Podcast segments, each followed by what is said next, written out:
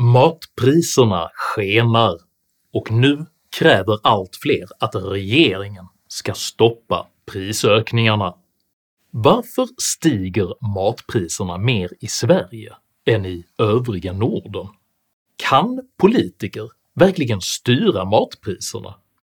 Och vad händer med en ekonomi som sätter marknaden ur spel? Dessa frågor tar jag upp i veckans video om matpriser. För snabba kommentarer och klipp ber jag er att inte glömma bort att följa min nya YouTube-kanal Henrik i korthet här ovanför, och uppskattar du mina filmer så hjälper du mig att kunna fortsätta göra dem om du stöttar mig via något av betalningsalternativen här nedanför. Det är nämligen endast tack vare ert generösa och frivilliga stöd som jag kan fortsätta detta arbete, så ett stort, stort tack till alla de av er som bidrar. Idag talar jag om politik, pengar och prisreglering.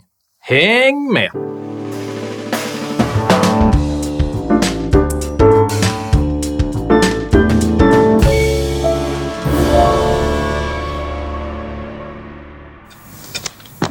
Jag har en plan. Rollfiguren Sickan i det filmatiserade kriminallustspelet Jönssonligan har alltid en plan. Precis som med alla grandiosa planer tenderar dock ligans förhoppningar att grusas, med allehanda dråpligheter som konsekvens. Betydligt mindre dråpliga, men desto mer katastrofala har dock historiens samtliga försök att planera samhällsekonomin visat sig vara. Från järnridåns totalitära planekonomier till Venezuelas populistiska självstympningspolitik så har alla försök till statlig styrning av ekonomin undantagslöst slutat i ransonering, fattigdom och ekonomisk kollaps. Det är därför alarmerande att krigsekonomins svallvågor nu åter gett upphov till populistiska krav på exakt denna typ av ekonomisk självdestruktivitet i Sverige.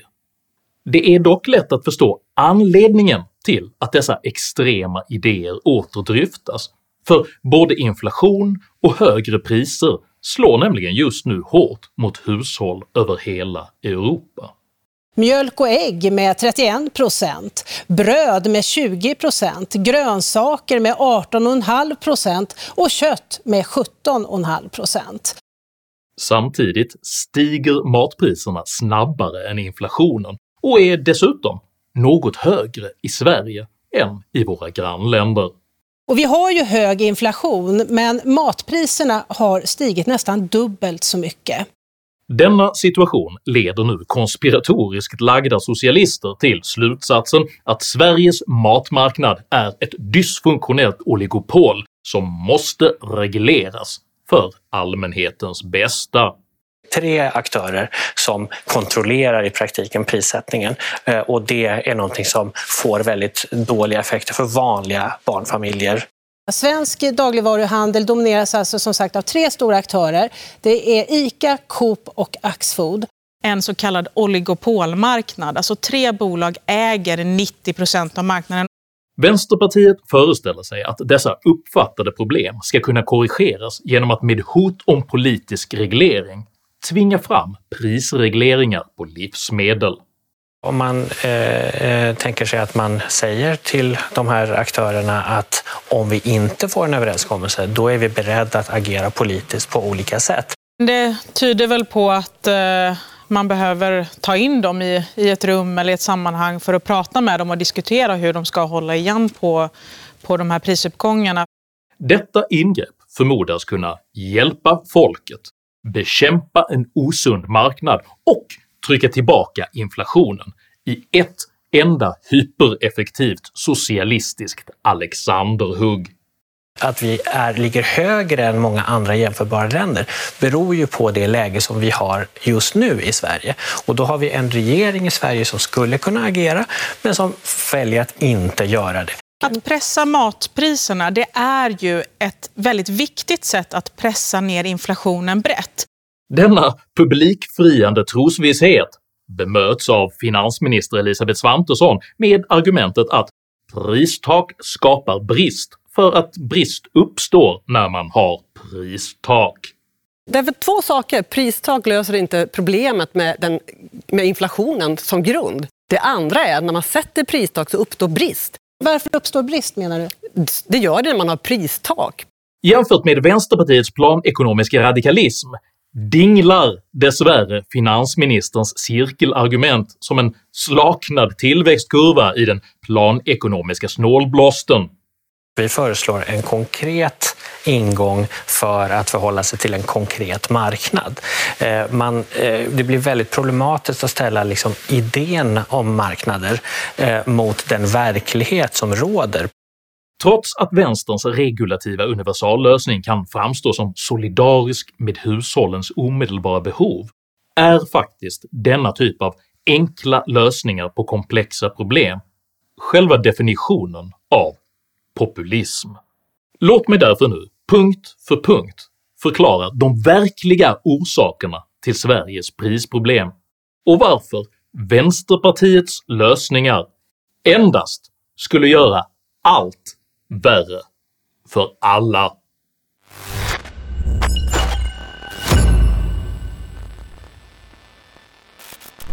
Matpriserna i Sverige har ökat mer än genomsnittet i EU och mer än i våra nordiska grannländer. Det är sant att Sveriges matpriser har stigit något mer än i de övriga nordiska länderna. Vänsterpartiet tolkar dock denna skillnad som att Sverige skulle ha en unikt dysfunktionell livsmedelsmarknad, vilken endast kan korrigeras genom statliga regleringar. Vi har inte fri prissättning på den här marknaden utan det är tre matjättar som bestämmer helt och hållet. Och det är därför vi måste ingripa, därför att det är inte fri prissättning idag på mat. Detta är faktiskt dubbelfel. För i själva verket är de nordiska ländernas matmarknader mycket, mycket lika varandra. Faktum är att Norge så sent som för två år sedan själva utreddes för kartellbildning. Det finns alltså ingen stor skillnad på de nordiska matmarknaderna som skulle kunna förklara Sveriges högre matpriser, även om en frodig och mer konkurrensutsatt livsmedelsmarknad naturligtvis vore önskvärd i hela Norden. En sådan konkurrensutveckling motverkas dock av prisregleringar, vilka istället cementerar marknadens nuvarande utseende genom politiskt framtvingade ramavtal som höjer marknadsinträdeskostnaden för alla nya aktörer. De verkliga skälen till Sveriges något högre matpriskostnader är faktiskt politiskt förvållade av vänsterregeringen. Men vi ska börja ikväll med matpriserna. På ett år har de ökat med nästan 20 procent. Prisökningsmåttet som Agenda refererar till i detta klipp är KPI, alltså det konsumentprisindex som mäter priserna som Sveriges konsumenter faktiskt betalar. Redan för över ett år sedan varnade Statistiska centralbyrån för att konsumentprisindex steg till följd av höjda energi och drivmedelspriser. De höga energipriserna påverkar inte bara KPI direkt, de kommer också att driva upp andra priser i samhället. Producenter som bönder, taxibolag och biltillverkare möter alla högre inköpspriser för sina insatsvaror och transporter. För att bevara sina marginaler behöver dessa i sin tur höja priserna på sina produkter. Detta brukar kallas en indirekt effekt av prisuppgångar på insatsvaror. Även om konsumentprisindex till stor del påverkas av det internationella läget har även svenska beslut om till exempel höjning av reduktionsplikten för drivmedel och de framtvingade kärnkraftsnedläggningarna fördyrat Sveriges inhemska produktion. Jordbrukssektorn har under flera år varnat för att Sveriges unikt höga reduktionsplikt skulle leda till fördyringar och till och med avvecklingar av svenska jordbruk, och enligt forskningsföretaget Energiforsk hade de svenska energipriserna varit mellan 30 och 50 procent lägre om vänsterregeringen inte hade tvingat fram en avveckling av fyra kärnkraftsreaktorer i södra Sverige. Utöver detta faller den svenska kronan till följd av Sveriges unikt låga produktivitet. Sveriges ekonomi går sämst i hela EU och det är det enda landet där tillväxten backar och hamnar på minus. Och denna ekonomiska jumboplacering är i sin tur ett resultat av både en vårdslös penningpolitik och obudgeterade integrationskostnader. Det är alltså inte en kapitalistisk konspiration som ligger bakom Sveriges jämförelsevis större matprisökningar, utan det är ett faktum att Sveriges vänsterregering medvetet och under många år förde en politik som fördyrade både inhemsk produktion och import av varor från andra länder. I backspegeln kan detta beskrivas som den regulativa dumhetens treenighet där makthungriga socialdemokrater först gjorde sig beroende av regleringsivriga miljöpartister, vilka sedan tillsammans reglerade fram högre energipriser, vars konsekvenser vänsterpartiet nu vill hantera med prisregleringar. Denna strategi är som att först borra hål i båten, sedan beskylla besättningen för att man sjunker och med näsan över vattenytan slutligen kräva ett förbud mot drunkningsolyckor.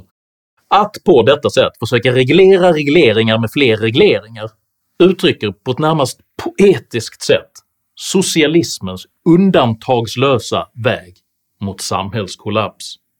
Och jag ska nu förklara exakt hur detta går till i 10 enkla steg.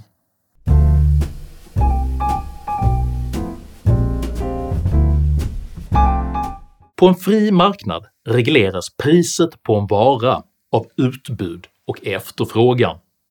Om många vill köpa en viss vara stiger dess pris, men stor efterfrågan stimulerar även produktionen av varan tills utbud och efterfrågan är i balans. Om en politiker inför prisreglering av en vara blir det omöjligt för utbud och efterfrågan att balansera sig mot varandra eftersom detta säger till producenten “om du inte kan producera denna vara billigare än vad vi bestämmer så får den inte säljas”. Detta gör att det produceras mindre av varan, trots att efterfrågan fortsätter att öka. Prisregleringen har nu skapat en brist. För att kompensera den brist som prisregleringen skapar börjar nu staten att subventionera produktionen av varan. Detta slår i sin tur ut de övriga producenterna av varan som inte längre kan konkurrera med statens skattesubventionerade produktion. Nu styr statens prognoser och skattekapital all produktion av varan. Men eftersom konsumtionsmönstret är oregelbundet uppstår oförutsägbara över och underskott på olika ställen i samhället, vilket innebär att både köer och slöseri uppstår. För att balansera denna oförutsägbarhet börjar folk att hamstra varan och svarta marknader uppstår utanför statens kontroll. Till följd av den växande svarta marknaden börjar nu samhällsekonomin att stagnera och staten måste investera mer och mer resurser i både den prisreglerade varan och på att bekämpa de svarta marknaderna. Statens kostnad för att tillverka varan stiger därför ständigt, samtidigt som det reglerade priset ligger fast. Detta leder till att hela ekonomin börjar rasa samman. På grund av prisregleringen är nu statens kostnader för produktionen av varan ohållbar, och på grund av den nu permanent skapade bristen införs ransoneringar. Ransoneringar innebär att staten tvingar fram en anpassning av efterfrågan så att den ska matcha det utbud som den klarar av att leverera. Staten börjar nu reglera allt fler priser allt hårdare för att täcka upp sina skenande produktionskostnader samtidigt som ekonomin krymper i en accelererande och ond cirkel. Slutligen kollapsar ekonomin helt, och när samhället störtas ner i misär och fattigdom, då beskylls kapitalismen. Dessa tio punkter skildrar hur exakt alla socialistiska länder i historien har kollapsat. Detta är så grundläggande, så vedertaget och så empiriskt välbelagt att alla som har läst ekonomi på gymnasienivå kan redogöra för dess samband. Det är sannolikt också därför som Sveriges perplexa finansminister inte förmådde förklara för Camilla Kvartoft varför prisregleringar leder till brist, för att sambandet är så självklart att det vore som att plötsligt ställas till svars för varför gravitationen skulle få föremål att falla till marken. Så om Sveriges ekonomiska situation är delvis självförvållad och inte kan korrigeras med prisregleringar, vad bör man då egentligen göra?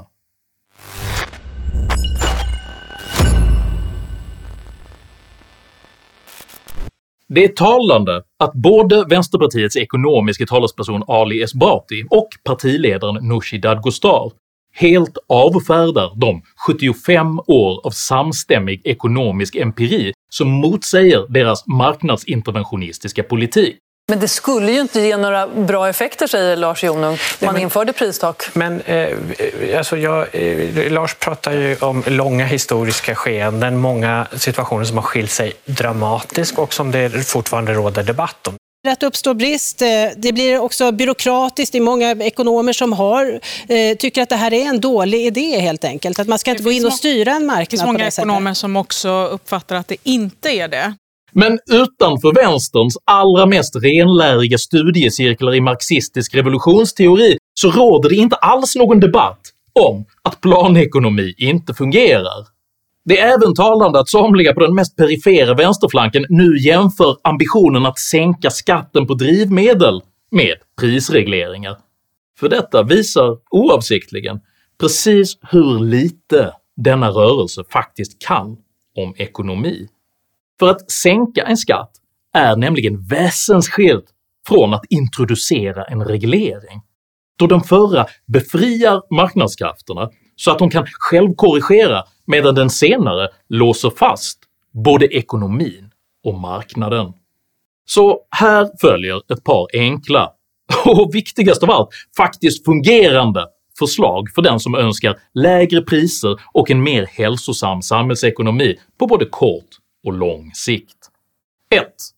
För att kortsiktigt hjälpa de hushåll som kämpar med de höga matpriserna, ge dem skattelättnader. Detta stärker både arbetsmarknaden och hushållens överlevnadsförmåga helt utan att behöva reglera sönder marknaden.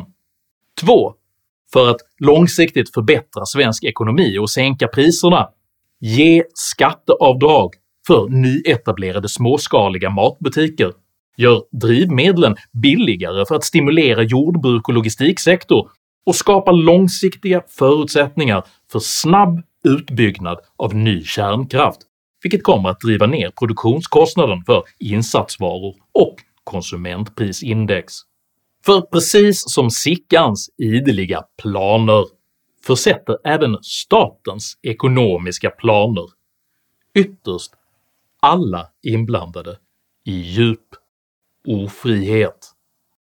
Om du uppskattade innehållet i denna video så hjälper det mycket om du delar den med dina vänner och kanske till och med stöttar mitt arbete via något av betalningsalternativen här nedanför.